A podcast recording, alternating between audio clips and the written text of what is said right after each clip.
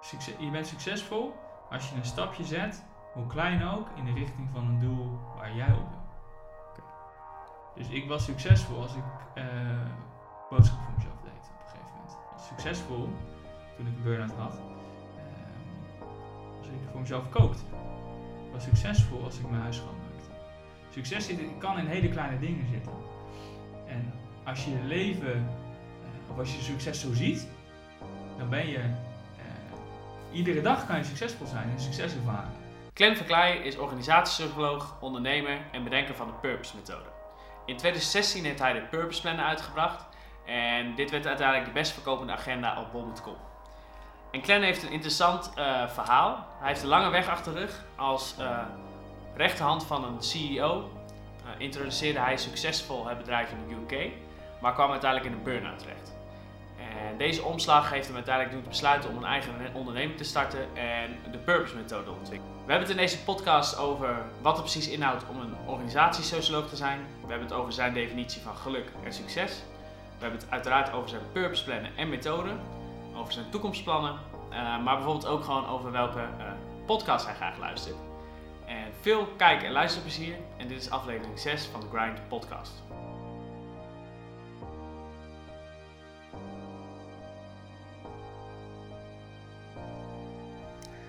Welkom, Glenn, Ja, leuk dat ik hier mag zijn. in de Grind Podcast. Ehm, ik vind het altijd leuk om te beginnen met een beetje wat jouw achtergrond is. Maar eh, hè, aangezien jij een purpose planner, dus je hebt een soort agenda uitgebracht, eh, ben ik benieuwd hoe jouw eerste maand was. Mijn eerste maand van het jaar. Ja. Ja, ja, unbelievable is eigenlijk het eerste woord dat in me opkomt. Het is ehm, beter gegaan dan ik had verwacht. Ja? Veel beter. Namelijk, het is de maand dat ik al uitverkocht ben. Eh, de Purpose Planner is niet meer te verkrijgen. En op het moment van uitverkopen stonden we bij Bol op nummer 1. Gaaf. De meest verkochte agendas en kalenders. Dus het is ja, beter dan Moleskine, beter dan Jan, beter dan Happiness, beter dan... Ja, gewoon alle titels die je kent, zeg maar, die verkopen we ook. Ja? Beter dan iedereen. Gaaf, gaaf. En ehm, ja, dat is, dat is gewoon ja, fantastisch. Om die groei te zien van... ehm, gegeven getipt, je staat op pagina 1. Dat betekent dat ik bij de eerste 20 zit. En dan dacht ik, oh, fuck, fuck, fuck, ik moet naar 10, 10, Ja, 10, ja. 10. Oké, 10, 5. Sta je op 5, 3. En toen waren we op een beurs. Eh, eerste beurs waar ik naartoe was. Eh, en dan nam ik nu mijn zusje mee naartoe. Die vond het leuk om ook een beetje te kijken wat ik nou precies doe. Ja.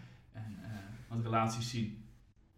En iemand vroeg, wat is dat nou, die, die Purpose? Misschien willen we dat wel inkopen. Ging naar Bol. En toen zag ik dat hij op één stond. Dus het was op zich een heel bijzonder moment. Iemand anders attendeerde me erop. Wat vet. En wat voor beurs was dat dan? Dat je... Eh, ja, trends. Ah, papier, eh, home and gift beursjes. Oké. Gaaf. Leuk. Leuk. Oké. En, ehm, want jij, hey, jij bent nu eigen ondernemer, of jouw eigen onderneming, en je bent de Purpose Plan heb je uitgebracht, maar daarvoor heb jij al een heel traject gehad. Eh, je, hebt, eh, eh, nou, je hebt een goede baan. Je had een, wat je zelf een beetje zei van, hey, je had- dacht dat je de droombaan had gevonden. Maar ik ben wel benieuwd, hoe ben je uiteindelijk bij die organisatie terechtgekomen? Wat voor studie heb jij gedaan? Wat, wat is een beetje je achtergrond? Ik ben organisatiesocioloog. Ja? afgestudeerd op geluk. Als socioloog bestudeer je de samenleving en hoe grote mechanismes eigenlijk Ja. tegen, met elkaar werken of soms tegen elkaar werken. En dat kan je ook bestuderen binnen een organisatie. Het is eigenlijk een mini-samenleving. Dus dat heb ik gedaan en ik ben afgestudeerd op de. eh, heb ik onderzocht of, het, of je van het nieuwe werken, of je daar gelukkiger van wordt als werknemer. Ver- Vergroot dat de arbeidssatisfactie. Oké. Eh, nou, dat doet het niet. En eh, zo werd het wel. Ik, was heel ik ben heel sceptisch. Ik was heel sceptisch tegenover opzichte van het nieuwe werken, zoals het bij veel organisaties werd geïmplementeerd. Gewoon kosten besparen, en dat is prima, maar verkoop het dan ook zo. Daar ben ik op afgestudeerd. Ja. Ik wilde graag een eh, eh, CEO worden van een groot bedrijf. Was, leek me mooi. Eh, vanuit de impact die je dan hebt op de maatschappij en ook op de mensen intern. Oké. Dus dan, ja, wat is dan een goede weg om naartoe te gaan? Een, een, een Future Leader Program of een traineeship, management traineeship bij een groot bedrijf. Dat heb ik gedaan bij Wolters Kluwer. Ja. Dat is de gro- ja, bijna niemand kent het, van de Atlas. Hij is de grootste juridische en fiscale uitgever ter wereld. 3,8 miljard deden ze toen.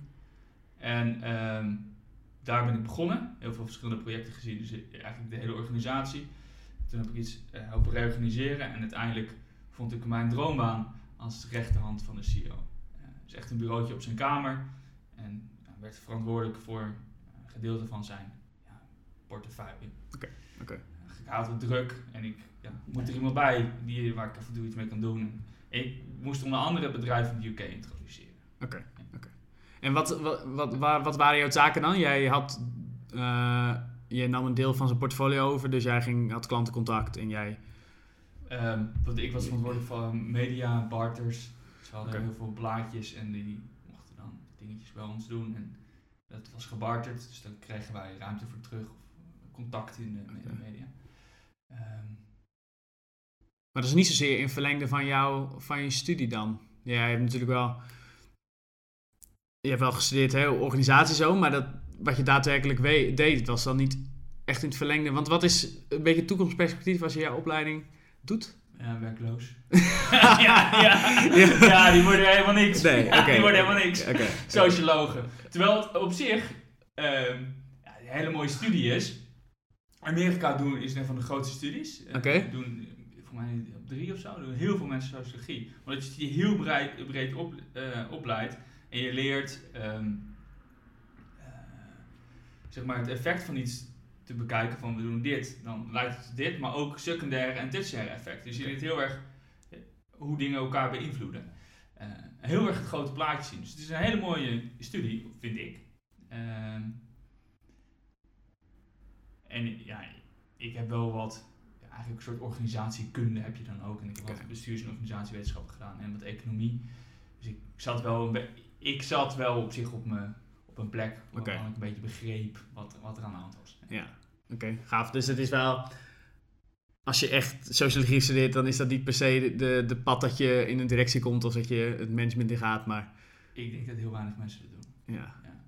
Nou ja, ik vind het ook wel grappig, je zegt, ik heb gestudeerd hoe, wat geluk is en wat dan, zeker binnen een organisatie, wat zijn dan de belangrijkste factoren die daar wat heel belangrijk is voor je uh, geluk, ja. is autonomie. Oké. Uh, visie, is dat je weet waar je naartoe gaat. Ja. Um, kennis van het resultaat. Dus mensen willen graag significant zijn. Dus willen weten, hey, ik doe iets hier. Wat doe ik? Wat is dan het effect? Dat kan in okay. de volgende stad in de organisatie of naar de klant. En eigenlijk moet je het alle twee weten. Dus je wil een, uh, een organisatie wat je weet, wat gebeurt er voor je, wat gebeurt er achter je. Dus hoe verhoud ik me tot de keten. Uh, maar ook wat is het, het effect op de klant van de producten waar ik aan werk. Okay. Uh, dat is heel belangrijk. Dus autonomie, en dat zit hem in, uh, in zelf bepalen waar je werkt of hoe je iets doet of een bepaalde bandbreedte. ja, ik heb er een, was er een boek over aan het schrijven. Wat maakt nou de ideale organisatie? Ja. dat had als werktitel When I Lead the Happiest Organization in the World. Ja. Dat was I, zeg maar, vanuit mijn visie, van I, ik. Ja. Maar ook I van het individu wordt super belangrijk want we gaan van een werkgevers naar een werknemersmarkt. Ja. Door, door tekort, door de vergrijzing, uh, moeten we heel, heel anders gaan organiseren, is in mijn. En is dat dan, wat, hè, ik heb daar toevallig onderzoek laatst voor moeten doen voor mijn studie, dat je over zelfsturende teams. Ja. Eigenlijk wat je zegt van hè, dat autonoom, dat, je, dat ze weten wat ze, het resultaat, dat ze, ze het zien dat ze daar aan bij hebben gedragen. Mm -hmm. Was dat toen ook al toen jij studeerde dat dat, dat, dat een hype was? Of? Zelfsturende teams en dan, nou ja, je kent waarschijnlijk Scrum en Agile wel. En, uh, ja, ja, ja. Maar er, nou, er was een, een, een voorbeeld uit. Uh, we hebben dat wel bij de hand gehad en ook bestudeerd een beetje. Er is dat een voorbeeld van mij bij bij een, een busmaatschappij uit Limburg. Die ging zelf, uh, mochten de chauffeur zelf hun diensten gaan inplannen en dat een beetje regelen. Hoe kunnen dat zo goed mogelijk doen? Ja. heel erg autonoom. Dat ging mega goed maar, klanten zijn vaak dan tevredener en de buschauffeurs vaak veel tevredener, blijer met hun werk, minder ziekteverzuim. Ja, okay. is het weer aan banden gelegd, uh, om in politieke redenen. Oké. Okay. Wel grappig dan, want je zou toch, mijn eerste reactie zou zijn van, oké, als die gasten het allemaal zelf moeten inplannen, dan wordt dat toch één grote chaos. En... Nee, want die zitten in het veld en die, die zien ja, die weten wat, precies. Er, wat er gebeurt. Ja. Dat is waarom je kan staken met een stiptheidactie. Je kan, uh, dat doet de NS wel, wel eens, uh, die, het personeel staakt wel eens met stiptheidacties. Um, als je precies doet wat er voorgeschreven is, dat strookt eigenlijk nooit met de werkelijkheid. Nee. Dus je, je hebt het nodige dat eh, het veld dat een beetje aanpast en aan de omgeving dat, dat afstemt. En, ehm, Is dat dan ook niet een beetje... Ik moet er aan denken, je hebt de, dat dienend leiderschap. Dus dat je in plaats van dat het management voorschrijft, oké, dit moet je doen, maar je moet gewoon faciliteren. En jullie weten het, jullie doen het uitvoerende werk. ja. Weet je, ga maar, weet je. Jullie weten het beter dan ik die daarboven staat, zeg maar.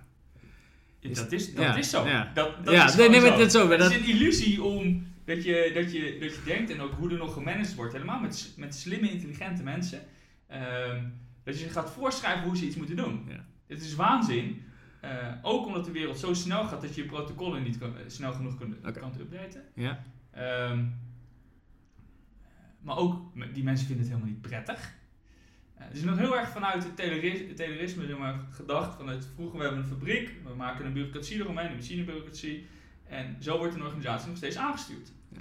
Dus mensen zijn assets, eigenlijk gewoon fabriekjes. En die geef je protocollen en die moeten ze uitvoeren.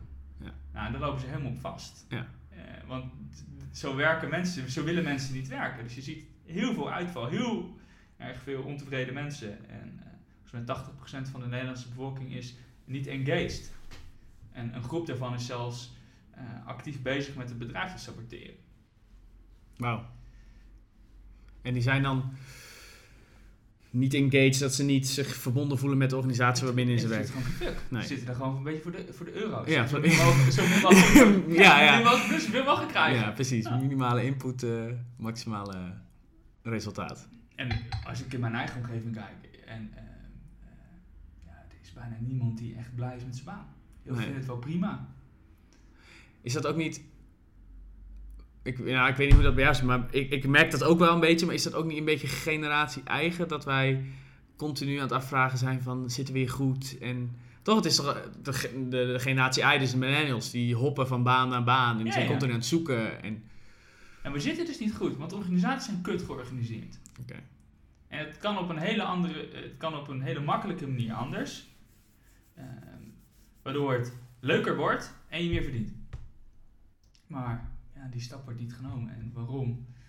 Ja, daar heb ik wel gedachten over. Ehm, maar ja, dit is, eerder moeten organisaties gaan veranderen, want anders gaan ze de fles op. Want dan wil niemand meer voor ze werken. Nee. Of ze moeten hele hoge lonen doen. Eh, ja, dat zie je ook al bij organisaties, bijvoorbeeld in de olie. Er is heel veel dingen heel sterk gereguleerd. Ik weet niet of het per se zo is. Maar dan heb je, verdien je dus ook veel. Ja. Wat misschien wel gewoon kutwerk is. dan maar een goed salaris tegen Ja. gooien, dan zijn er, Ja, is er dat- altijd wel iemand die... Maar dat, dat denkt natuurlijk wel. Ja. Als jij denkt, oh ja, maar goed, ik krijg wel gewoon dit en ik heb deze, ehm, deze leuke uitspattingen die we kunnen doen. Of het is veel is heel goed geregeld. Of ik, heb, ik kan heel veel training doen, ik kan niet mijn hele leven lang werken, want het is heel groot. Het heeft heel veel voordelen, bijvoorbeeld om bij Shell te werken.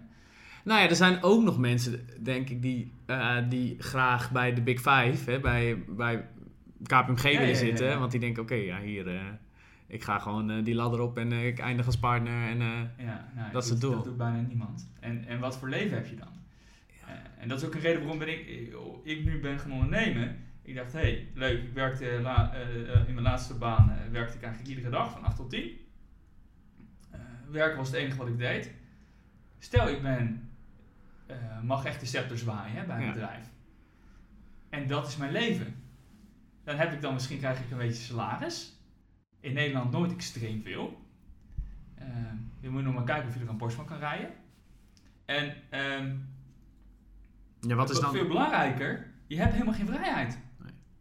Dus Nee. je hebt dan wel een beetje geld ter compensatie. Ja. Nou, dan kan je misschien een Porsche van rijden, halleluja. Ja. Maar je bent gewoon alsnog, zeg maar, gewoon eh, continu aan het beunen. En wat is dan, precies, dan, dan leef je om te werken in plaats van werken om te leven. Ja, Ja, en nu hoef ik niks te doen. Maar vertel, je bent... Oké, je, hebt dus, je was eh, de rechterhand van CEO. Ja, Hoe lang heb je dat gedaan? Eh, heel kort. Oké, Heel kort. oké. En toen ben je uiteindelijk... eh, nou, minder leuk, maar je bent uiteindelijk in een burn-out terechtgekomen. Je bent nadat je... Je werkte het hard en toen... Nee, ik had een bedrijf in de UK geïntroduceerd.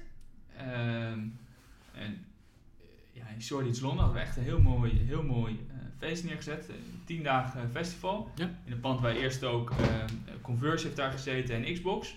Hebben daar, ehm, hadden daar diezelfde, ja, van zo'n steenfabriek. Ja. Super hip en cool. En toen ik dat had georganiseerd, was eigenlijk, kwam ik, vloog ik terug naar eh, in Nederland en was ik thuis en kon ik mijn eigen haak niet vinden. Oké. Ik was in Utrecht, Vredenburg, eh Grootplein, mijn markt is. En ik was daar en ik was er een paar keer, want ik wist niet meer hoe ik thuis moest komen. En dat was direct dat je uit het vliegtuig stapte. Nou, ja, dit is een beetje op, op, op wijze van spreken, Ja, maar eh, heel snel, heel snel daarna. Heel snel daarna. En wat ging er toen door je heen? Ik dacht, holy fuck gast, je moet nu echt je leven anders, anders gaan doen, anders gaan organiseren. En ik was, ehm, ik was helemaal niet, niet bang of zo, maar ik vond het was vooral heel erg verwonderd dat je dus jezelf zo naar de kloten kan draaien voor iemand anders. En wat is, zijn nou de mechanismes? Hoe, waarom heb ik dat gedaan? Ja.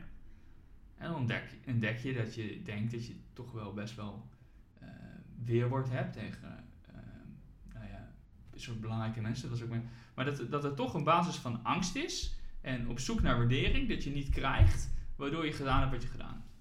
Ja. En dat was best eh, ja, leuk en interessant om te zien. Ja. en een hele mooie zoektocht naar de mechanismes die ten grondslag liggen aan ja, destructief gedrag. Want het was gewoon destructief gedrag. En wat, wat, want hoe oud was jij toen dat je... 28. Toen je die burn-out kreeg? Ja. Op dat moment. Oké. Ja. En wat... Ah, ik, wist jij precies wat er aan de hand was? Of heeft dat ook nog even geduurd? Ik, de vorige gast in deze podcast had dat dus ook. En die had het inderdaad dat hij aan het werk was. En dus gewoon niks meer kon. Die verstijfde helemaal. Die, die blokkeerde helemaal eh, achter zijn computer. En die is toen naar huis gegaan. Maar dat heeft wel even geduurd voordat hij erkende van... Oké, dit is niet goed. Had jij wel op dat moment gelijk van... Dit is een burn-out of ik, ik, ik Nee, ben nee. hard gegaan. of- Dat, mo- dat moment, en dat is eh, voor het verhaal is het altijd makkelijk om te vertellen, uit. ja, precies. Toen gebeurde? Nee. Het, is, het, is, het, is, het, is, het ligt iets genuanceerder. Wat, wat, wat, ik, wat ik had was, ik, ik wist dat ik heel hard had gewerkt. En ik had wel eens dat ik sliep vanuit Londen, Amsterdam. Eh, ik heb ook eens op kantoor geslapen. Om eh, shit- ja, het af te maken. Het was een gewoon het was een heel mooi project. Ik vond het fantastisch. Ik kreeg er heel veel energie van. was er altijd mee bezig.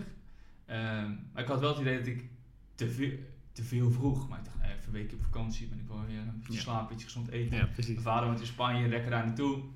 Maar ik was, kwam daar, grieperig was ik eigenlijk de hele tijd. Wist niet wat er met me aan de hand was.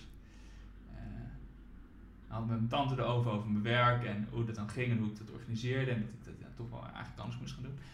Eh, dat het niet sustainable was. Eh, maar de, de bottom line is eigenlijk hoe meer rust ik nam, hoe gekker ik werd. En eh, het eerste signaal kreeg ik toen ik aan het hardlopen wa- was. Ja. En ik ging even langs bij mijn oude werk, want ik deed student. Verkocht kranten op straat. En eh, ging ik een biertje drinken en eh, ik voelde me door de, eh, door de ehm, ruimte zweven. Ik was gewoon helemaal niet connected. En dat toen met, in combinatie bijna twee weken griep, achtige dingen, ging ik naar de dokter. En dan kreeg je bloedonderzoek en dan eh, uitsluiten dat je, dat je niet iets raars hebt. Ja, Nee. oké, burn-out. Eh, maar het moment dat ik echt realiseerde, gast, het gaat helemaal niet goed met je, was het op. Eh, en dat was overigens daarvoor, kon ik al niet meer een krant lezen en eh, niet meer goed een gesprek voeren en had ik het, het hoofdpijn. En, eh, maar ik moest zeg maar eigenlijk verdwalen als, als signaal van, ja, het, Ja, is, is, het, is dat vaak niet zo dat er, er is op een gegeven moment een moment dat er inderdaad zoiets gebeurt is of achter je laptop en je kan niks meer of dat Ja. je op Vredenburg staat. Volgens mij, ik hoor wel vaker dat je niet meer eh, we- weet welke sleutel in slot moet. Dat heb ik al vaker gehoord. Op dat moment dat iedereen denkt, ja, dat, weet je dat je niet meer weet welk, nou ja, of je nou je huis kan vinden of dat je niet meer weet welke sleutel Ja. in het slot moet. Dat, dat moment, dat zijn van die, die heb ik al vaker gehoord. Je moet Ja. zeg maar een heel groot iets krijgen, in, in, in dat heel groot signaal, heel groot. Dus eigenlijk in crisis, en er was nog geen, niet groot genoeg signaal van je moet je leven anders gaan inrichten. Ja. Ehm, en toen ik mijn leven anders moest gaan inrichten, ben ik gaan aan, hoe kan ik dat dan zo structureel mogelijk doen? En hoe kan ik nou van een niet gepland, druk leven, waar wij moeite had eigenlijk om alle verschillende rollen die ik had in de maatschappij of in mijn eigen leven ehm, te vervullen en naast elkaar te laten bestaan. Hoe kan ik dat nou heel gestructureerd aanpakken of meer gestructureerd? was ik helemaal niet. Ja. En toen is de Purpose Planner ontstaan. Oké, maar eh, hoe lang heeft het uiteindelijk geduurd dat je in die burn-out zat?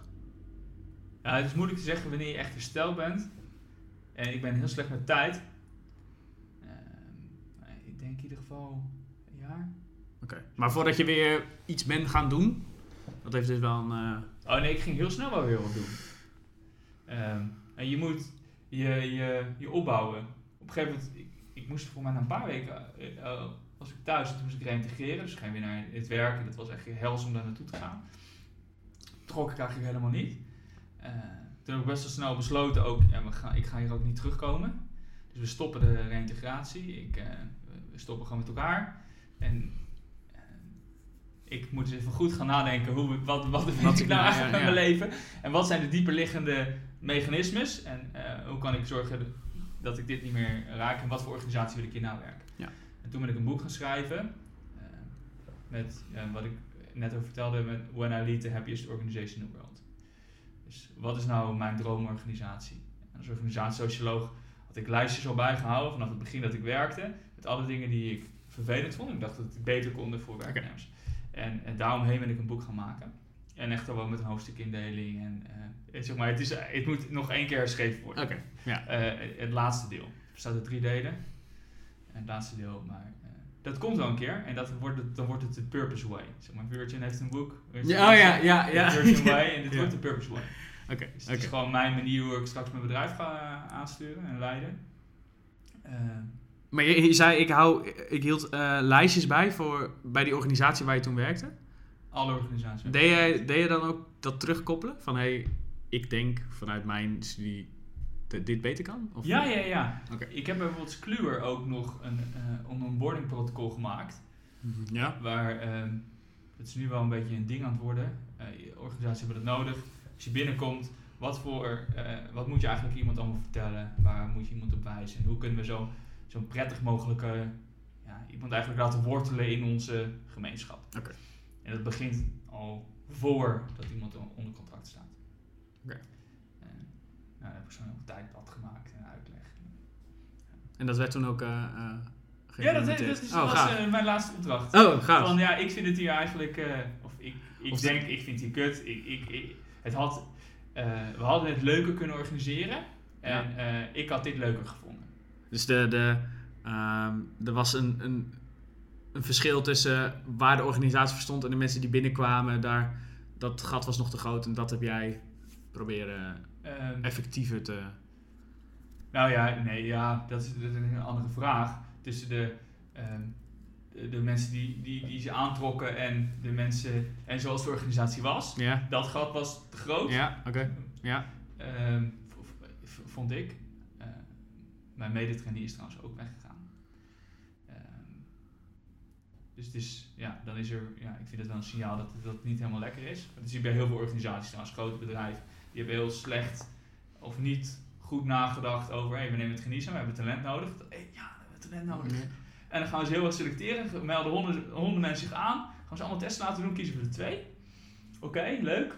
Eh, maar na een programma is er niet echt een baan. Oké. Dus je doet een... ja, de Raadbank heeft er bijvoorbeeld ook, tenminste wat ik begrijp, last van in meerdere eh, bedrijven. Dat ze niet zorgen voor een baan voor het talent. Dus het talent wordt opgeleid en daarna Is er geen eh, toekomstperspectief? maar dit was voornamelijk algemeen. Hoe kan je nou, als iemand in je organisatie komt, hoe kan je ervoor zorgen? Wat moet hij eigenlijk weten? Met welke mensen moet hij praten? Maar ook, eh, hoe voelt hij zich welkom? Dus het is wel heel leuk als jij mailtjes krijgt van bepaalde mensen dat er al lunchafspraken in je agenda staan. Dus Ja. om kennis te maken. Precies. Dat mensen proactief je binnenhalen van eh, ik wil met je kennis maken. Ja. Eh, in plaats van dat je zelf allemaal op zoek moet. eh, wie zijn dat? Dat duurt allemaal lang. Dus gewoon een beetje een warm bad. Kan je Ja. zorgen voor een warm bad? Ik weet dat, ik weet dat Google daar heel, heel erg mee bezig is. Ik heb daar een keer een filmpje over gekeken. Die doen dat inderdaad. Die zorgen dat zodra je binnenkomt, dan staat jouw laptop klaar. En dan doe je computer, log je in en heb je inderdaad al afspraken erin staan. Dan heb je al mailtjes van je leidinggever en van iemand uit een ander team. En die, hebben heel erg, die doen daar heel, eh, heel erg hun best voor om jou zo snel mogelijk binnen die organisatie te krijgen. Super belangrijk. Ja, dat want, je bent meteen up and running. Ja. Het kost wel een beetje geld, het kost een beetje tijd. Maar dat is een investment. Want je zorgt dat iemand veel sneller productief is. Ja. Weet wat hij moet weten om optimaal te kunnen functioneren. Heel raar dat grote bedrijven dat niet hebben geregeld. Nee, als je erover nadenkt, denk ik ja, dat als je snel even rekent, als je iemand sneller eh, effectief kan laten werken, dan levert dat toch, levert dat toch sneller geld op. Waardoor je, Ja, zeker. Er zijn mensen Ja. die kunnen soms na een paar weken nog niet goed inloggen. Of hebben nog geen telefoon. Of ja. Gewoon echt ja, dat, zulke dingen. Dat, dat moet er gewoon klaar liggen als je, bij- als je binnenkomt. nou, wa- dat verwachtte ik dus bij, een, eh, bij een multinational. Iemand die het grootste is in wat hij doet, het beste is in wat hij doet ter wereld. Dat dat soort dingen goed geregeld waren. Ja, Ja, ik was bewust van politiek en hoe dat zat. ja. Maar dit heeft niets met politiek te maken. Dit is gewoon slecht management. In mijn optiek. ja. Denk, waarbij je jezelf in de vingers snijdt. Het is niet ehm, als organisatie. Ja. Maar hoe kan dit? Dat is dan wel natuurlijk wel vanuit politiek. Hoe kunnen dit soort dingen ontstaan? Ja, dat... niemand nee. is verantwoordelijk hiervoor. Of niemand heeft een KPI op. Ja, En, en dat is het grote manke wat je ziet in de organisaties. Het is helemaal geen team effort. Nee, nee. Eh, Iedereen doet wat voor zich en probeert dat te maximaliseren met, en, en zijn bonus te halen en eh, dingetjes uit te ruilen met elkaar, zodat iedereen een, een 13e of 14e maand krijgt. En, en dat is het een beetje. Dat is het spel wat gespeeld wordt. En eh, mensen zijn niet bezig met, met eigenlijk met de organisatie, met de klant. En, dit helemaal niemand wat. Interessant. Interessant. Ik, ik, ja, nou ja, voor mij is dan... Ik heb nog nooit echt in een zo'n danig grote organisatie dat ik dat... Ik heb daar geen ervaring in. Maar ik kan me voorstellen dat als je... Als je nieuw personeel en je inderdaad talent... en je verwacht dat dat... Hè, echt in je organisatie wat kan betekenen... doe je dat zo snel mogelijk toch Ja, aan de maar- gang Maar, helpen. maar nie- bij geen enkel bedrijf hebben ze het goed geregeld. Eh, bij Shell hebben ze volgens mij eh, ehm, hebben ze heel veel dingen. eh, Een vriendje van mij werkt bij Shell, hebben ze heel veel dingen echt goed geregeld, goed over nagedacht. Ehm, en er zijn, ik weet dat er nog wel, eh, er zijn nog wel een aantal bedrijven die het, die het redelijk goed op orde hebben, die, die ik ken. Maar er wordt heel weinig aandacht aan besteed aan, aan onboarding of aarde van mensen en ook het, eigenlijk het behoud van mensen, actief behoud. Terwijl er wordt heel makkelijk zeg maar een, een headhunter gebeld. Nou, die, die vraagt toch ook best wel wat, eh, wat geld. Ja, En er wordt heel moeilijk geld uitgegeven om die headhunter niet te hoeven te bellen. interessant. Interessant. Ik denk dat daar inderdaad nog wel... Ja, ik, apart dat dat nou eigenlijk nog niet zo... Dat dat nog niet zo eh, eh, effectief... Het, het is niet echt nodig geweest. En het is dus heel moeilijk, want HR is vaak zijn een beetje, beetje soft. En die, je, het is, je schrijft iets wat, voor, wat over alle afdelingen heen ligt. Het is heel. eh, het is ook een beetje voor iedereen. Het zal eigenlijk bij HR moeten liggen. Eh, maar ja, ik denk niet dat HR hier echt op doorloop wordt afgerekend of zo. Dat is, ligt weer bij een team. Dus ik snap wel. Ja, dan moet dan, dan moeten de, de ja, ik, ik- vraag me nu ook af, is dat inderdaad de verantwoordelijkheid voor de HR-manager organisatie? Of is dat de teamleider die een nieuw eh, lid erbij krijgt? hey, ik moet eh, zorgen dat eh, alles geregeld is en ik moet... Ja, Ja. dat- ik denk dat het een beetje bij teams, maar die- heel veel managers nemen niet aan de lopende band mensen aan. Ehm, en ik weet niet, ik denk niet ha- dat HR een, een, een doelstelling heeft, dus bij veel organisaties, op hey, eh, mensen blijven hier gemiddeld vijf jaar zitten, breng het eens naar vijf en een half voor nieuw hires. Of Ja. mensen blijven twee zitten, breng ze naar twee en een half voor nieuwe hires. Dat denk ik niet. Dat denk ik niet. Nou, we zitten, al, eh, we zitten er al goed in. Ik denk, ik, ben eigenlijk wel, en ik denk dat jij daar het leukst vindt om over te, over te praten, is je purpose plannen. Jij bent, na je burn-out ben jij gaan ondernemen. Je zei, ik, ik ben, was begonnen aan een boek. Ja. Je hebt uiteindelijk, dat heb je nog niet uitgebracht. Ehm, hoe ben jij uiteindelijk op die purpose plan gekomen? Of de purpose methode? Nou ja, ik vind het leuk wat je zegt. ehm, we hebben het eigenlijk helemaal. Ik zit eigenlijk al gewoon over mijn purpose plan te Ja. praten. En we hebben het over ehm, eh, organisatieoptimalisatie. En ik vind het heel leuk om dingen beter te maken. En op een gegeven moment moest ik mijn eigen leven beter maken, want ik, ja, ik kon mijn eigen huis niet zien. Ik zat helemaal in de shit. Ja. Eh, en toen heb ik eigenlijk al mijn kennis die ik had van projectmanagement toegepast op mijn eigen leven. Als ik mezelf nu zie als een project, als een BV, als een, als een systeem. Hoe kan ik er nou voor zorgen dat, dat het systeem zo snel mogelijk weer up and running is? En het liefst beter functioneert dan ooit. En wat mij toen heel erg heeft geholpen is mezelf aan het eind van de dag afvragen. hey, wat, kan er, wat ging er vandaag goed? Dus waar ben ik trots op? Wat vind ik mooi? Wat is mijn overwinning? En wat kan, er, wat kan ik morgen beter doen? En wat ik morgen beter kan doen, dat werd het dagdoel van de volgende dag. Dus ik zet iedere dag een stapje naar een betere versie van mezelf. Of naar voor mijn ideale leven, in dit geval herstel. En ik bracht mijn leven in kaart. Oké, als ik wil herstellen. Dit heeft me heel veel geholpen. Dit is de basis zeg maar, van de purpose plan ook. Je Oké. nu iedere dag, wat ging er goed, wat kan er morgen beter, dag. Ehm, ik ging mijn leven in kaart brengen als ik kijk naar mijn gezondheid, mijn voeding, meditatie, zeg maar, mentale gezondheid. Eh, wat moet ik eigenlijk doen? Als ik kijk naar mijn huishouden, wat moet ik daar eigenlijk in doen? En toen ben ik dat, ja, was ik me daar bewust van, ben ik daar stapjes in gaan zetten. En wat, zijn, wat waren dan volgens, wat was, kan je een voorbeeld noemen van een, een iets wat dan die dag beter kon dan dat je dan de volgende dag meenam? Ehm, Waren dat hele praktische dingen ook? Ja, nou, het, het had vooral heel erg te maken met eh, het voelen en herkennen van mijn grens. Dus ik zat in een gesprek, eigenlijk gewoon het gesprek afkappen. Op het moment dat ik merkte dat ik last kreeg van mijn ogen, dat is voor mij een signaal dat het, dat het niet goed gaat. Dat het over mijn grens gaat.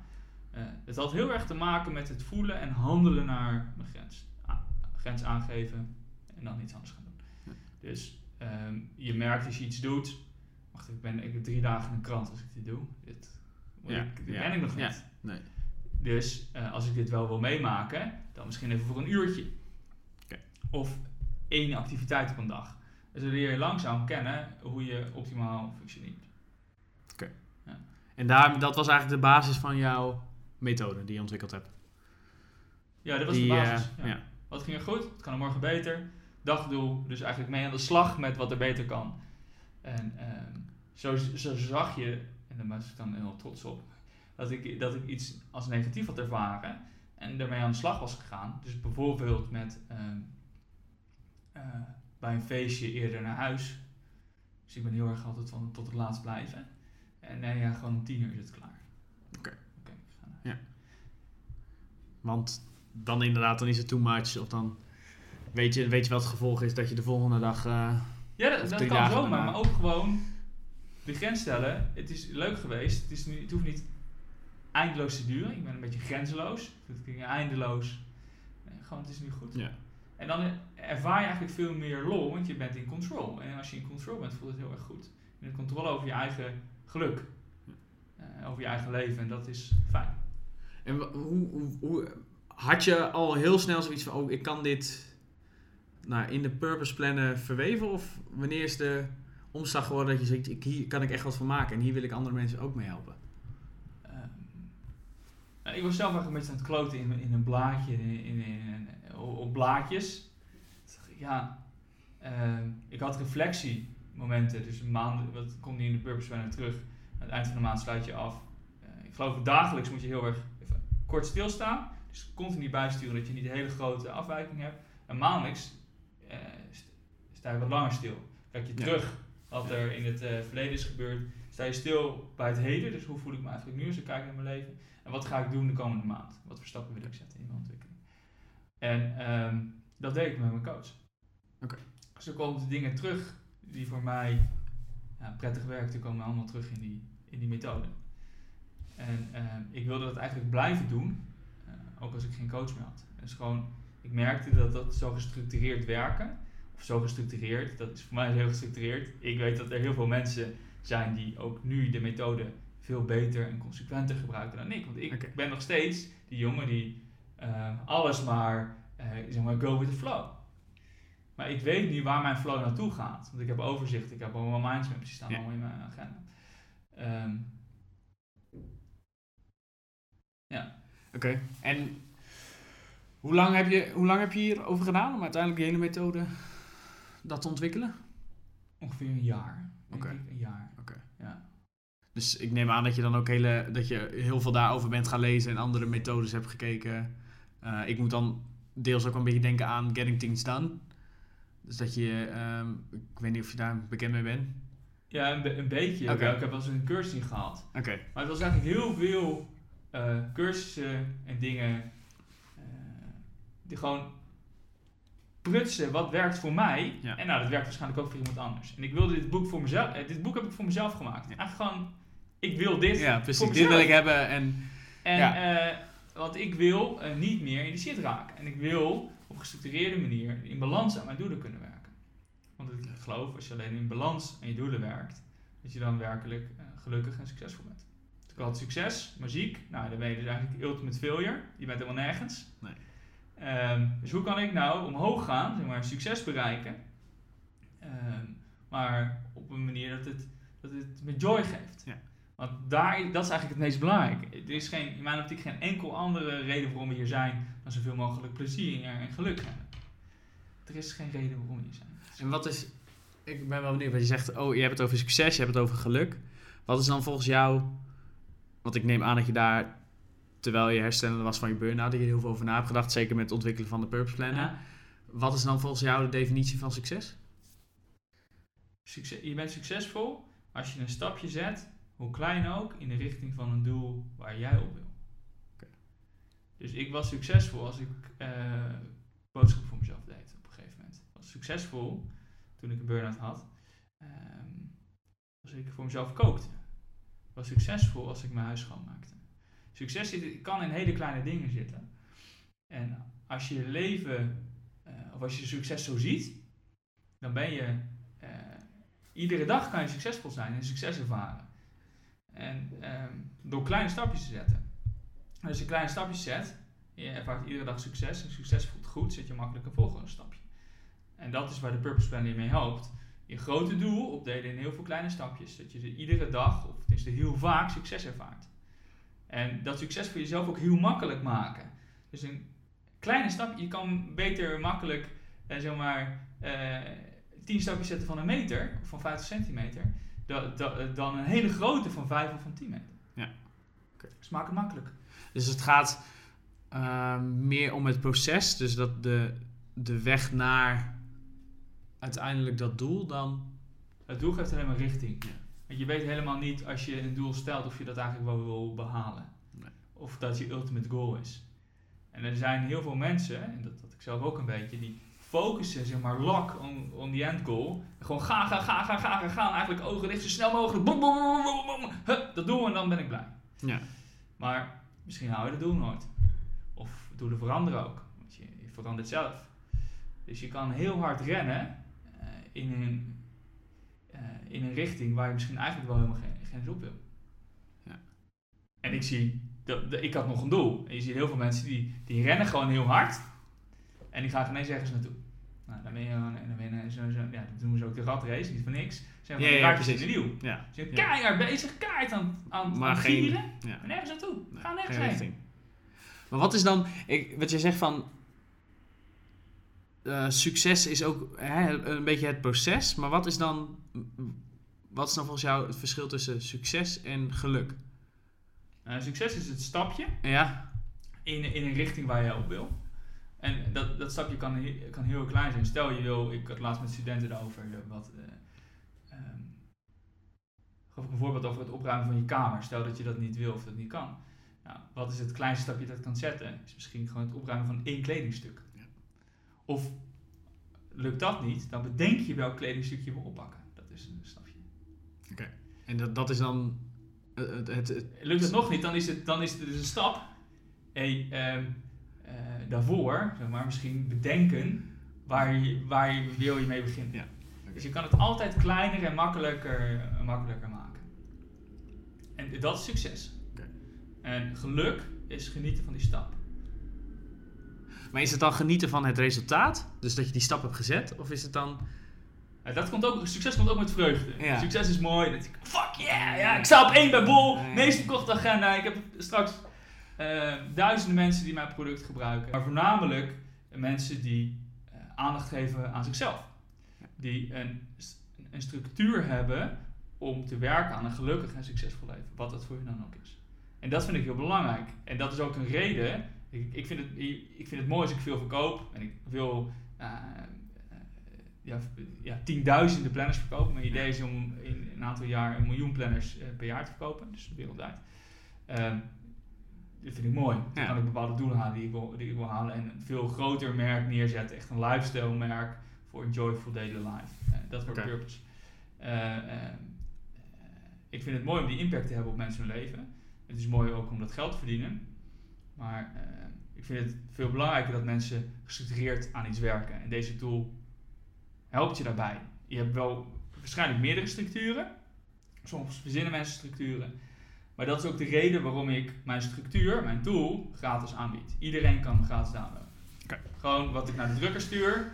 Dat hele pdfje is Dat te hele downloaden. pdfje is gewoon klik en dan heb je. Oké. Dus jouw doel is dan niet om...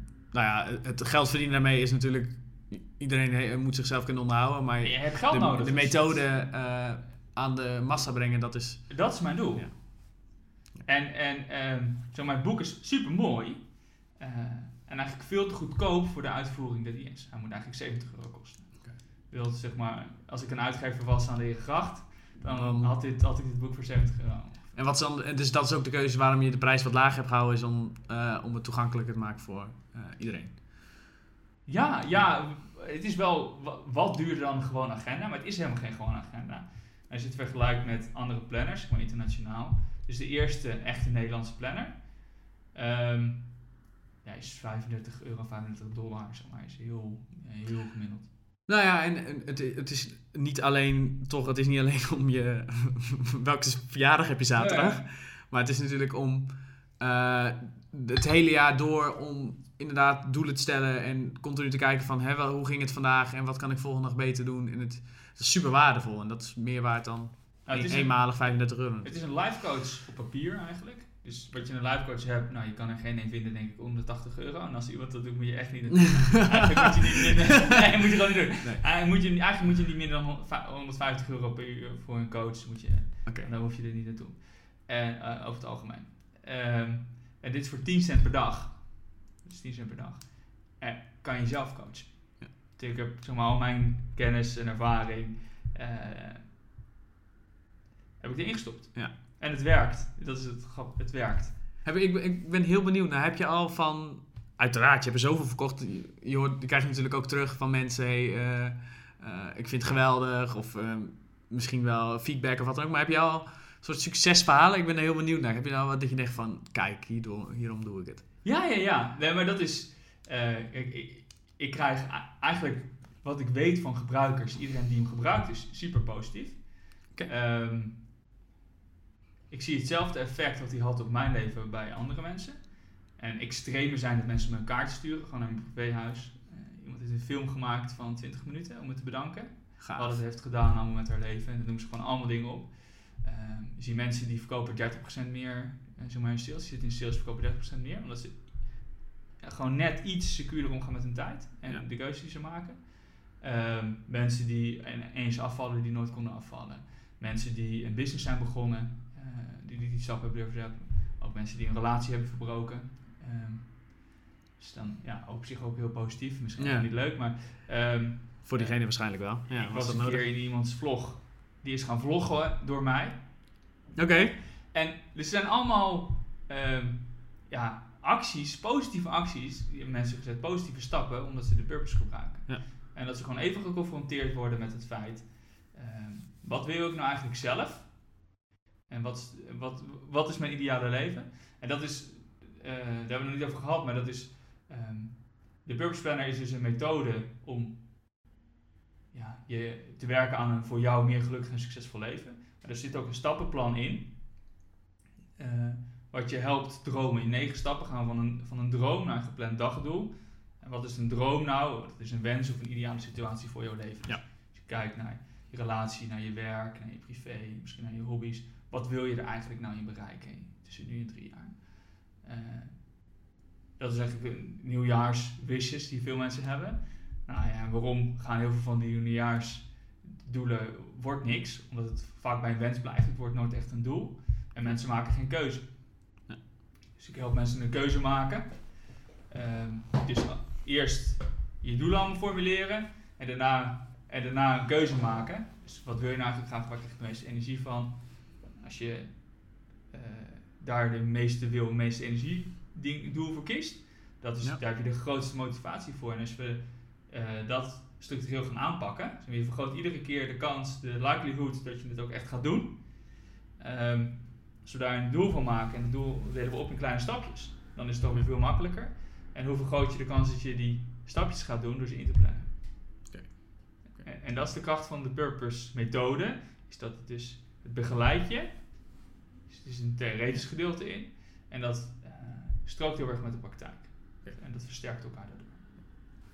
Dus die purpose planner heb jij eh, opgezet. Je hebt in een grote organisatie, bij CEO heb jij eh, gewerkt. Ja, ja. Ik ben heel benieuwd naar wat is volgens jou eh, essentieel als ondernemer? Je hebt nu je eigen onderneming, binnen een organisatie heb je meegekeken met de baas. Wat, wat, wat is volgens jou essentieel als ondernemer? Wat moet je, welke factoren moet je bevatten? Grinding. Grinding. grinding. Je moet gewoon de grind, ja. Ja, ja. de grind. Nee, maar het is... ehm, ja, je moet ondernemen, het is leuk, maar af en toe is het ook een bepaalde mate van afzien of lijden. En dat moet je willen. En je moet je continu willen verdiepen, continu willen groeien. En Want iedere groei doet pijn. Dat merk je als kind, als je groeide, dan had je pijn, groeipijn en dan weet je, was je weer een stukje langer, een stukje sterker. En ehm, we zitten in een tijd dat het denk nog nooit zo makkelijk is geweest om ondernemer te zijn en ondernemer te worden. Eh, bijna alles is gratis en gratis voorhanden, zeg maar alle kennis en alle tools zijn er bijna allemaal gratis, in ieder geval in het begin, als je nog klein bent. Ehm, maar je moet je er wel allemaal in verdiepen en het kost tijd. Dat is mo- moeilijk en je weet niet waar je uit moet kiezen en het Nee. is frustrerend. En dan heb je het ene gekozen en denk je, ja kut, dit, maar dit kan helemaal, groei je iets en dan denk je, ja maar dit kan het niet. En dit wil ik eigenlijk wel. Dan moet je alles weer overzetten. En het is, ja, Oké. dat En moet je willen, dat moet je leuk vinden. Dus groei. de, oké, dus de, de, de willigheid om te leiden tijdens dat proces, dat is wel eh, volgens jou essentieel. Je moet, Ja, en, en het mooie is, is het ook gewoon reframen voor jezelf dat dat groei is. Dus ik Ja. noem het ook groei. Je ziet het lijden en je ziet het mij als groei. Je moet willen groeien. Eh, iedere stap is een stap voorwaarts. oké, naar voor mij een mooie leven, mijn ideale situatie. En ik weet waar ik naartoe ga. En ik weet als ik eh, wat ik wil creëren voor mezelf, is eigenlijk dat ik, eh, dat ik een leven heb waarbij ik eh, onafhankelijk ben van iedereen. Dat ik mijn eigen creativiteit de ruimte kan geven. Ja. Ehm, dat ik producten kan ontwikkelen die ik wil. En ik heb daar hele honderden, honderden voorbeelden van. Ehm, en dat ik niet geremd word door eigenlijk enig financieel iets. Maar als ik zo doorga nu, dan ben ik over vijf jaar verdien ik genoeg geld dat ik niet hoef te werken. Of het is. is, dat, is dat uiteindelijk, in alle eerlijkheid, is dat jouw doel? Ik wilde altijd als 35 wilde ik niet meer hoeven te werken. Oké. ja. En, maar wat is dan, daar ben ik heel mijn doel is het helemaal niet. Oké, Maar het is, nou, geld is niet mijn doel. Het creëren van een leven waarbij ik vrij ben om te gaan, te staan waar ik wil. En kan kiezen wat ik wil doen. En ook kan creëren wat ik denk dat mooi is voor de wereld. Of wat, net zoals de beursplanner.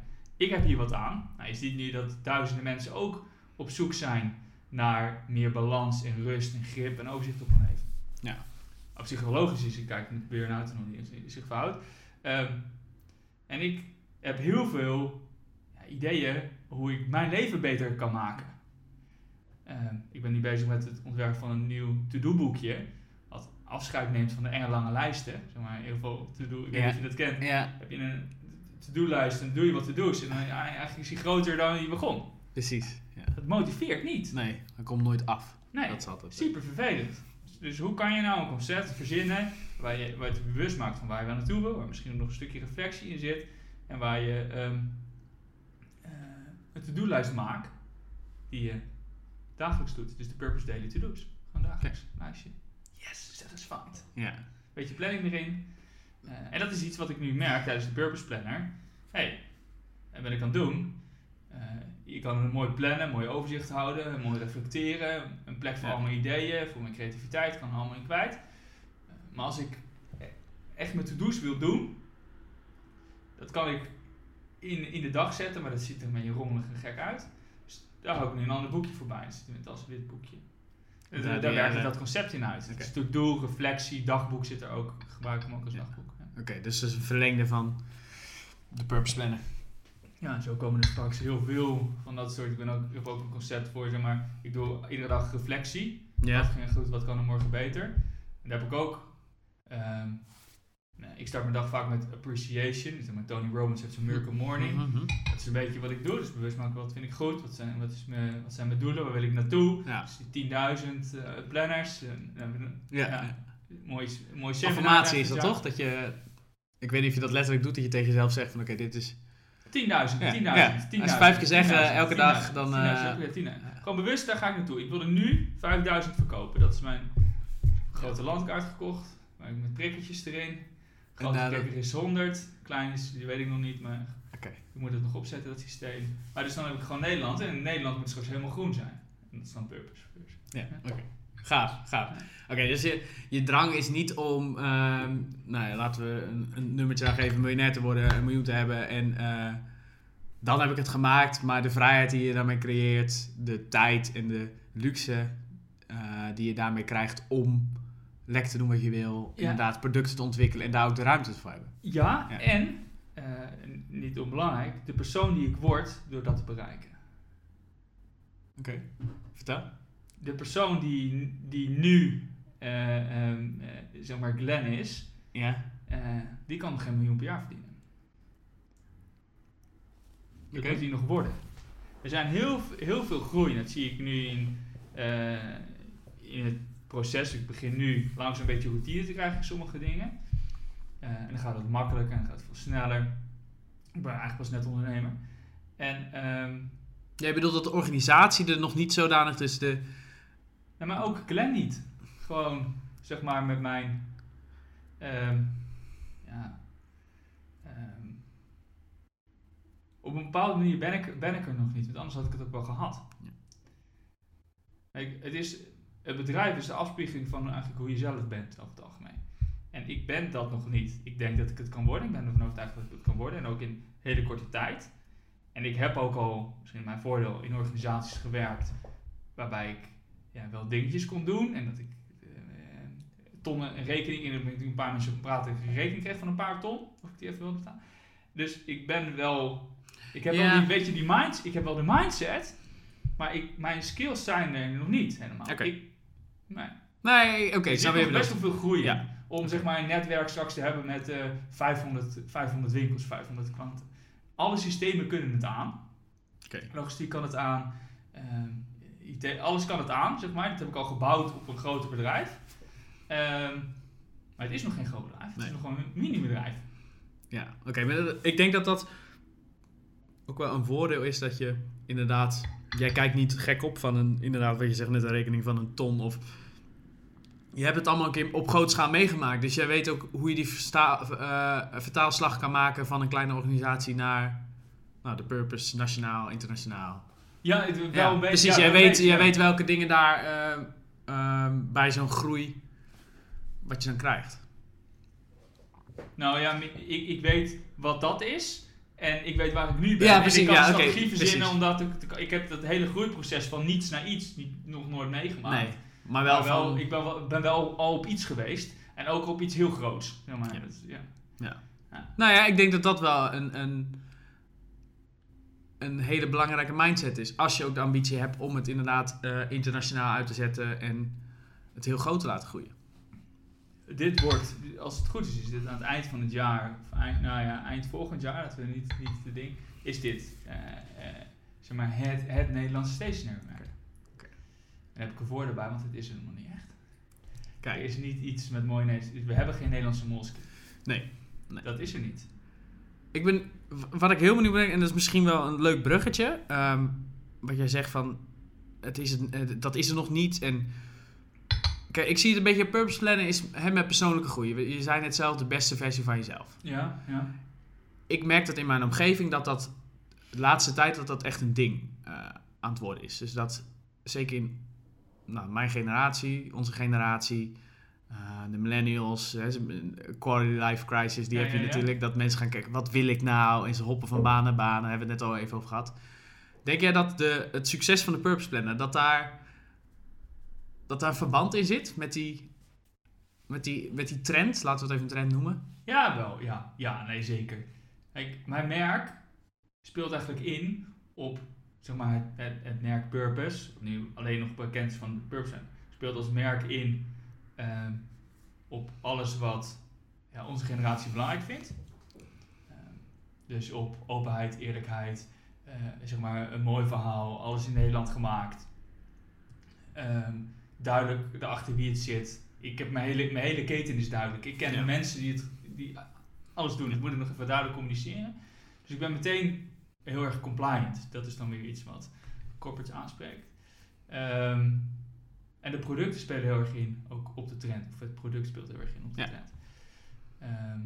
Namelijk, vroeger ehm, ging je nou bij bedrijven werken en die regelden het allemaal een beetje. En dat is eigenlijk gewoon weg.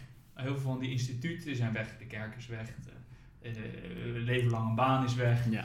Eh, we hebben heel veel schaarste opgeheven. Dus het is, überhaupt werken we veel meer vanuit, vanuit vreugde en vanuit, vanuit joy. Want er is eigenlijk geen schaarste meer. En wij zien dat steeds meer, Ja. eh, heb ik het idee. Ehm, dus je moet zelf in control zijn. Jezelf de controle nemen over je eigen leven. En deze tool helpt daarbij. Om zelf je pad te kiezen. Nou ja, nu je het zegt dat je. Misschien is dat daar ook wel verband. Dat je zegt van inderdaad, de, de, de kerk valt weg. En er waren vroeger natuurlijk. was het allemaal wat meer uitgedacht. En nu is iedereen wat meer voor zichzelf aangewezen, denk ik. Ik denk dat dat wel. Je moet het zelf doen, Ja, niemand doet het. Ja. Precies. Nou ja, ja. Vroeger werd het voor je geregeld, Ja, werd het bepaald. Ja. Eh, of je ouders zeiden gewoon, je gaat dit doen. Nou, dat is allemaal een beetje weg. Dus je, je moet nu zelf eh, het roer in hand nemen. Zeg maar, zelf gaan sturen. Zelf koers bepalen. Eh, en we leren niet op school of waar dan ook hoe je dat moet doen. Dus mensen zijn een beetje, ja, ze hebben, wat moeten we nou? Wat moeten we nou? Ja. En dat spreken ze niet zo uit en is er ook niet allemaal even bewust van. Maar je ziet heel erg die stress en de richtingloosheid. Eh, daarom zijn heel veel mensen ontevreden. En vallen zoveel mensen uit. Want ze zijn heel erg. Ze hebben stress. Ze gaan maar, Allemaal zoekende. nou, wat doet de purpose? Die geeft je, ja, zeg maar, ja het is purpose met PUR, P- eh, Mm. hoe heet het, eh, eh, PUZ. Ja. Zeg maar, het is van het Engelse woord purpose. Het geeft je richting, het geeft je een doel, het geeft je houvast, het geeft je een grotere betekenis. Ja.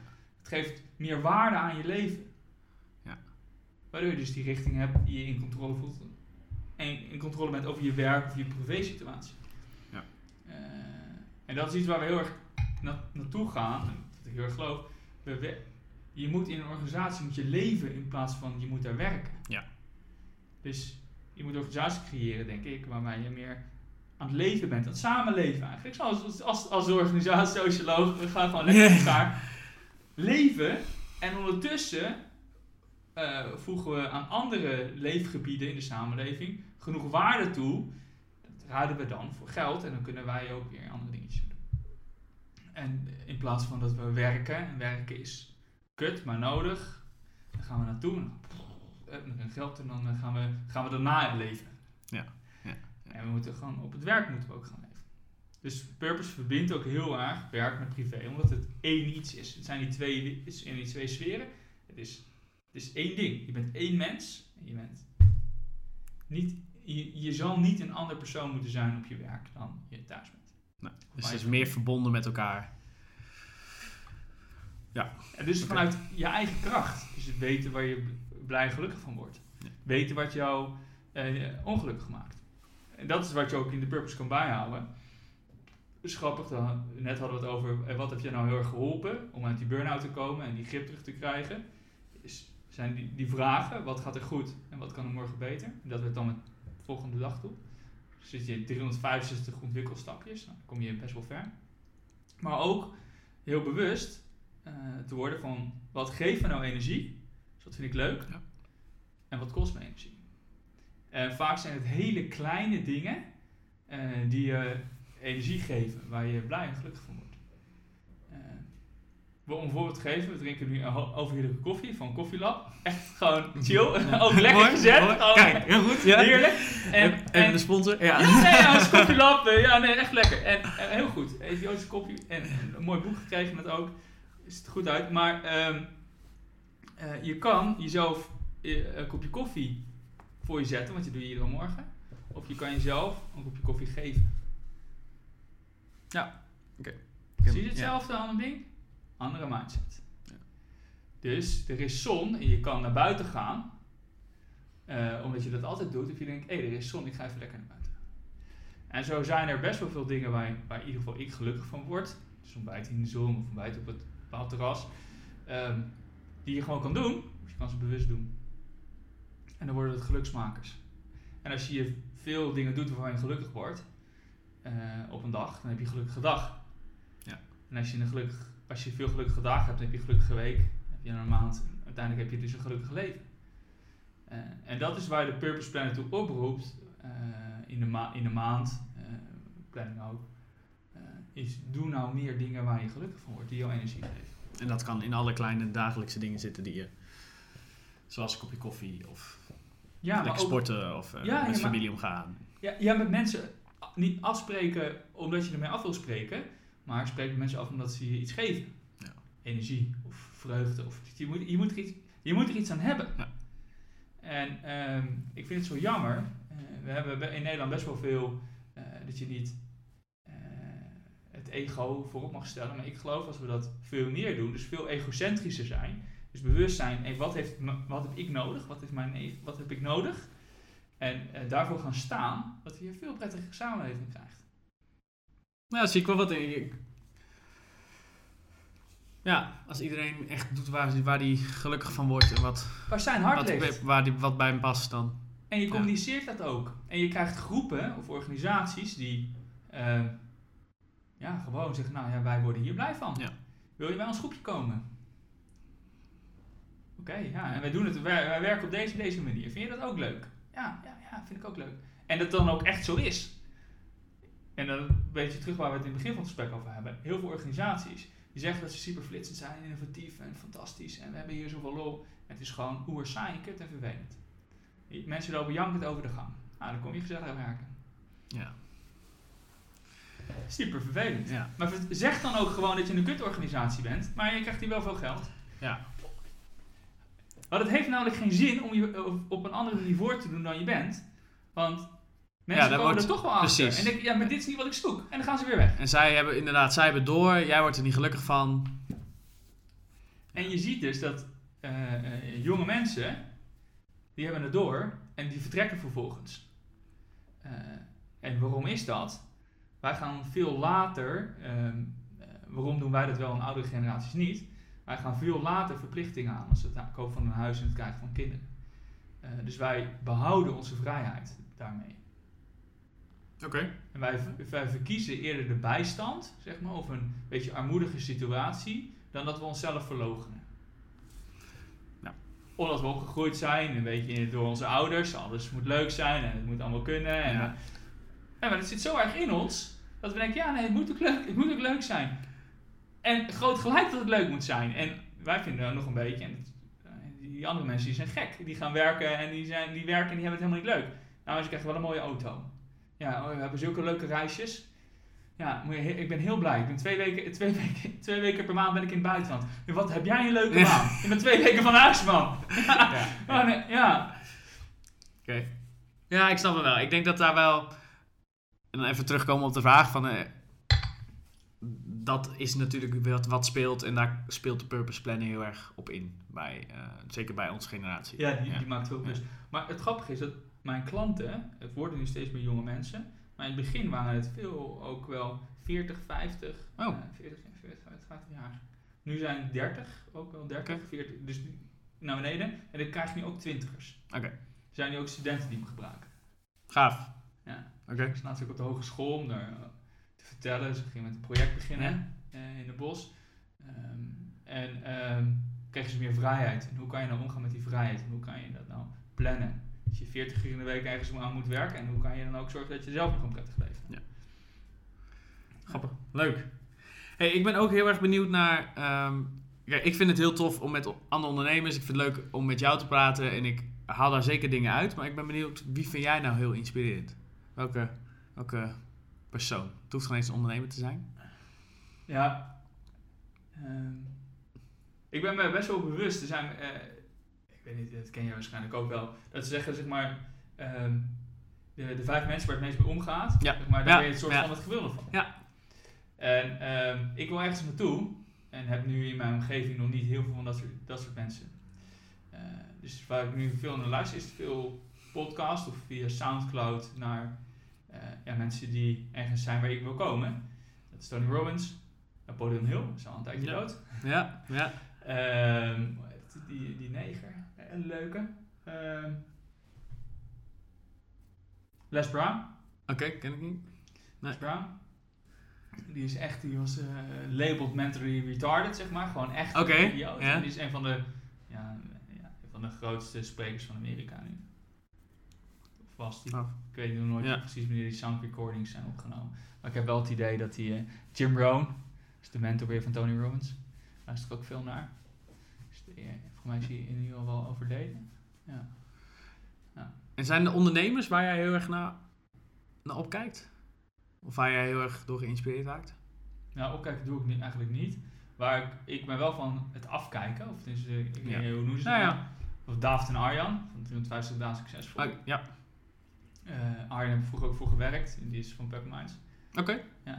En ehm, daar kijk ik wel naar hoe die het doen. Bewondering voor. Ehm, ik ben nu de Virgin Way aan het lezen. Dus iedere maand lees ik eigenlijk een boek. Gaaf. Ehm Like heb ik vorige maand gelezen. Ik lees nu de, de Sales Machine. De Sales Machine, voor mij Sales Machine. Daar ben ik net gisteren in begonnen. Ja, Ehm, en de Virgin Way, die lees ik een beetje tussendoor. gaaf. Dus Richard Branson vind ik heel mooi dat hij allerlei brands heeft en een beetje...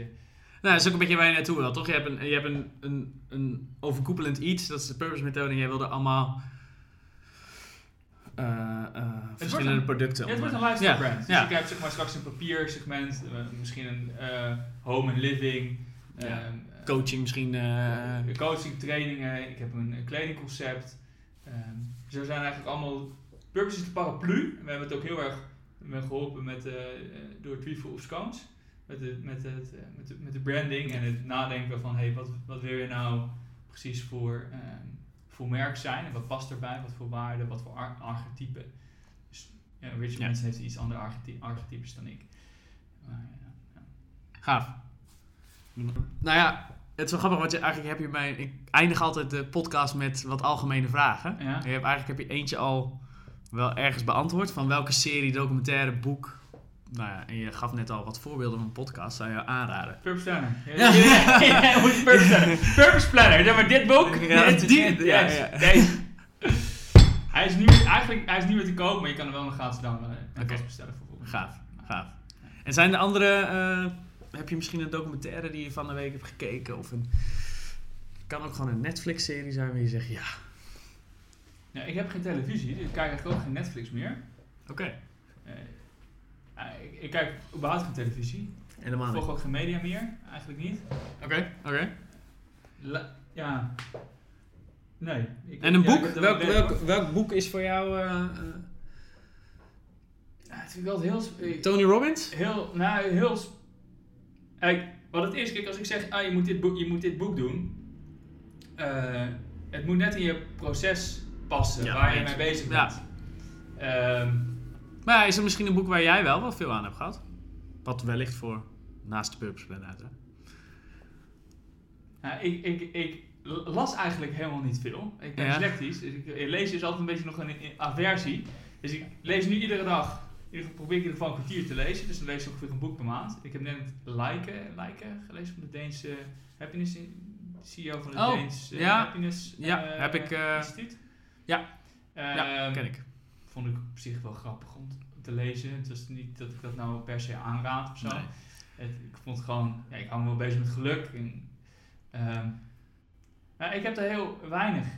Ik ben heel erg blij met mijn purpose plan iedere dag. En ja, Ja, prima, prima, zo'n ja. soort- soort structuur. En als ik een boek mag aanraden, eh, maar dit is een beetje koor, raar om je eigen boek zo Nee, maar op zich prima. Maar er zijn Maar- geen...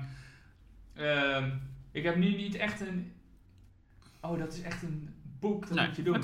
Nou ja, Daft en Arjan 365. Ja, ik ben heel erg van structuren of dingen wat je ehm, eh, richting geeft. En heel veel mensen die zijn zich aan het ontwikkelen op een bepaald vlak, maar hebben de basis helemaal niet op orde. Dus ehm, wat 365 eh, ook doet, 365 dagen succesvol, dat boekje, is je een beetje een basis geven. Dat Ja. doet de purpose ook. Eh, Purpose doet het iets meer in detail, maar zij doen het ook wel een beetje. Kijk eens nou eens naar je leven, kijk eens naar je sociale relaties, Ja. kijk eens naar je financiële situatie. Wat wil je nou eigenlijk? Wat ben je nou eigenlijk aan het doen? Ja. Ben je daar nou wel eigenlijk blij mee? Of heb je eigenlijk een 7 leven en ben je bang om dat weg te gooien voor een, voor een 8, 9 of 10? Ehm, dus, nou ja, daar. Ja, ik ken, dat, ik ken het boek wel, maar ik heb het nog niet gelezen. Ja, Dus, ja, het is een beetje een werk, werkboekje ook. Ja, is, eh, nou, ik zie het veel voorbij ik. komen. Ja. Het is, het is best leuk om even te bekijken. Eh, Oké. het is wel zinnig. Ook- Ook om naar sociale relaties te kijken. Dat heb ik ook heel erg gedaan. Je hebt A, B en C, A, B en C spelers, zeg maar. Mensen die Ja. geven je energie. Mensen die... Ja, ik- Middenmoot en mensen Ja. die energie eh, ja, pakken. Ja. eigenlijk een beetje op die manier. Oké, en ehm, altijd wel goed. Waar kunnen we jou en Purpose online vinden? De Purpose.com. PUR, PUZ.com.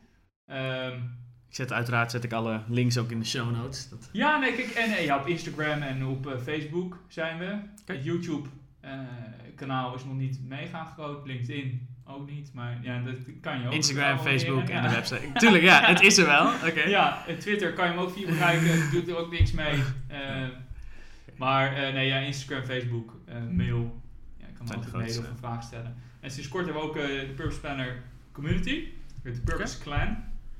Dus niet even. met Nee, eh, nee, maar- clan van de Schotse familiegroep. Ja. Ehm, en ja, dat is een nieuw iets. En dat probeer ik een beetje als het kanaal te krijgen voor inhoudelijke vragen. Eh, Om de, het daar te bundelen. En we delen daar inspiratie, ehm, stappen die we hebben gezet, zeg maar succesverhalen.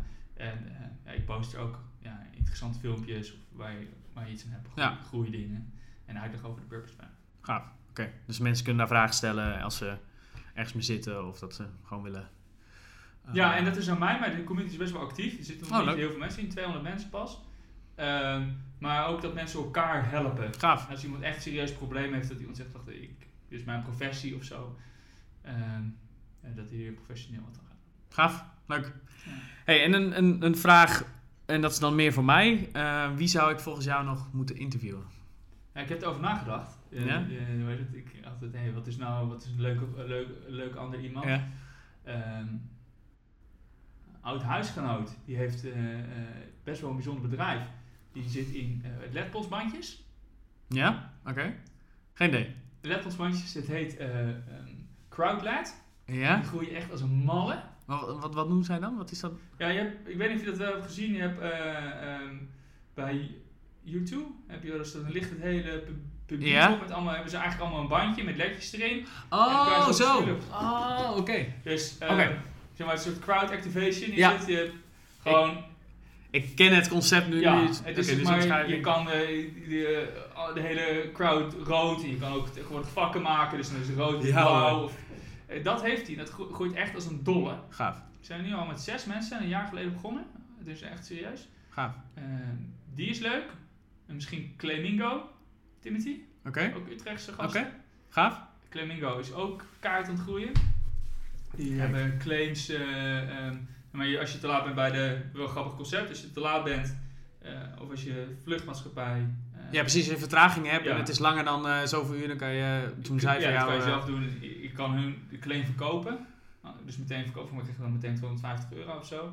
Kan je de claim verkopen. Of eh, ze doen een keer in een, in een soort van massaproces. En dan krijg je een gedeelte van eh, wat eruit komt. Oh, gaaf.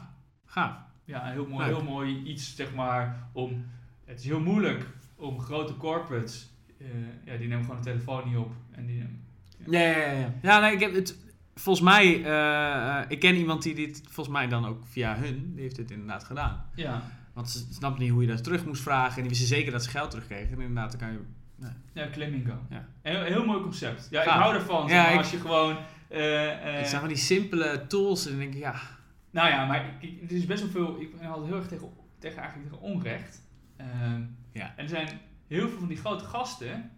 Die verneuken het gewoon... Ja, die verneuken de wereld. Maar die verneuken ook gewoon hun eigen klanten. Ja. En ja, ze zijn toch heel groot. Dus je doet niks. Ja, en, kan, en- ja, ja, precies. Ik kan er En, niks tegen doen. Ik kan er gewoon niks tegen doen. Gewoon ja, alleen slikken. ja. Dus ik schrijf, als ik ergens een probleem heb, schrijf ik het heel snel af. denk ik, oké. Ja. Oké, klaar. Laat het rusten. kan Maar deze jongens zorgen ervoor dat jij gewoon... eh. Ja, ik van, oh nee, oké. ja, ik krijg een paar honderd euro. Ja. Gaaf. Helemaal goed. Hey, dankjewel voor je, voor je komst. Ik vond het eh, heel interessant. Ik, ja, eh, leuk. ik, Fijn dat ik hier zijn. ja, ik ben benieuwd. eh, vanaf 2019 komen dus, kan je weer de Purpose Planner bestellen. Tenminste, Nee. de maanden daarvoor. Nee, je kan hem nu al bestellen. Er zijn ook al mensen die het doen via de website. Oké? Gewoon purpose.com is te bestellen. Ja. Eerst kan je waarschijnlijk ook... Ik verkoop hem ook bij de Bol en bij de Bruna en bij de boekhandel. Alle boekhandels kan je hem zich gewoon bestellen. Ehm, en in augustus, eind augustus... Begin, ik zeg september, maar eigenlijk is eind augustus. Komt hij ja, echt, komt hij dan echt uit. Oké, gaaf. Ja, Nou, heel veel succes. En ik Ja. hoop dat je dan eh, volgend jaar weer eh, de volgende stap maakt. ja we gaan dat zeker doen. Ja, nee, Gaaf. En dan eh, wellicht kunnen we dan nog wel een keer, als, het, als je op de 100.000 zit, dat we nog een keer gaan zitten. Ja, leuk. Leuk. Leuk. Dankjewel. Ja, leuk om hier te zijn. Dankjewel.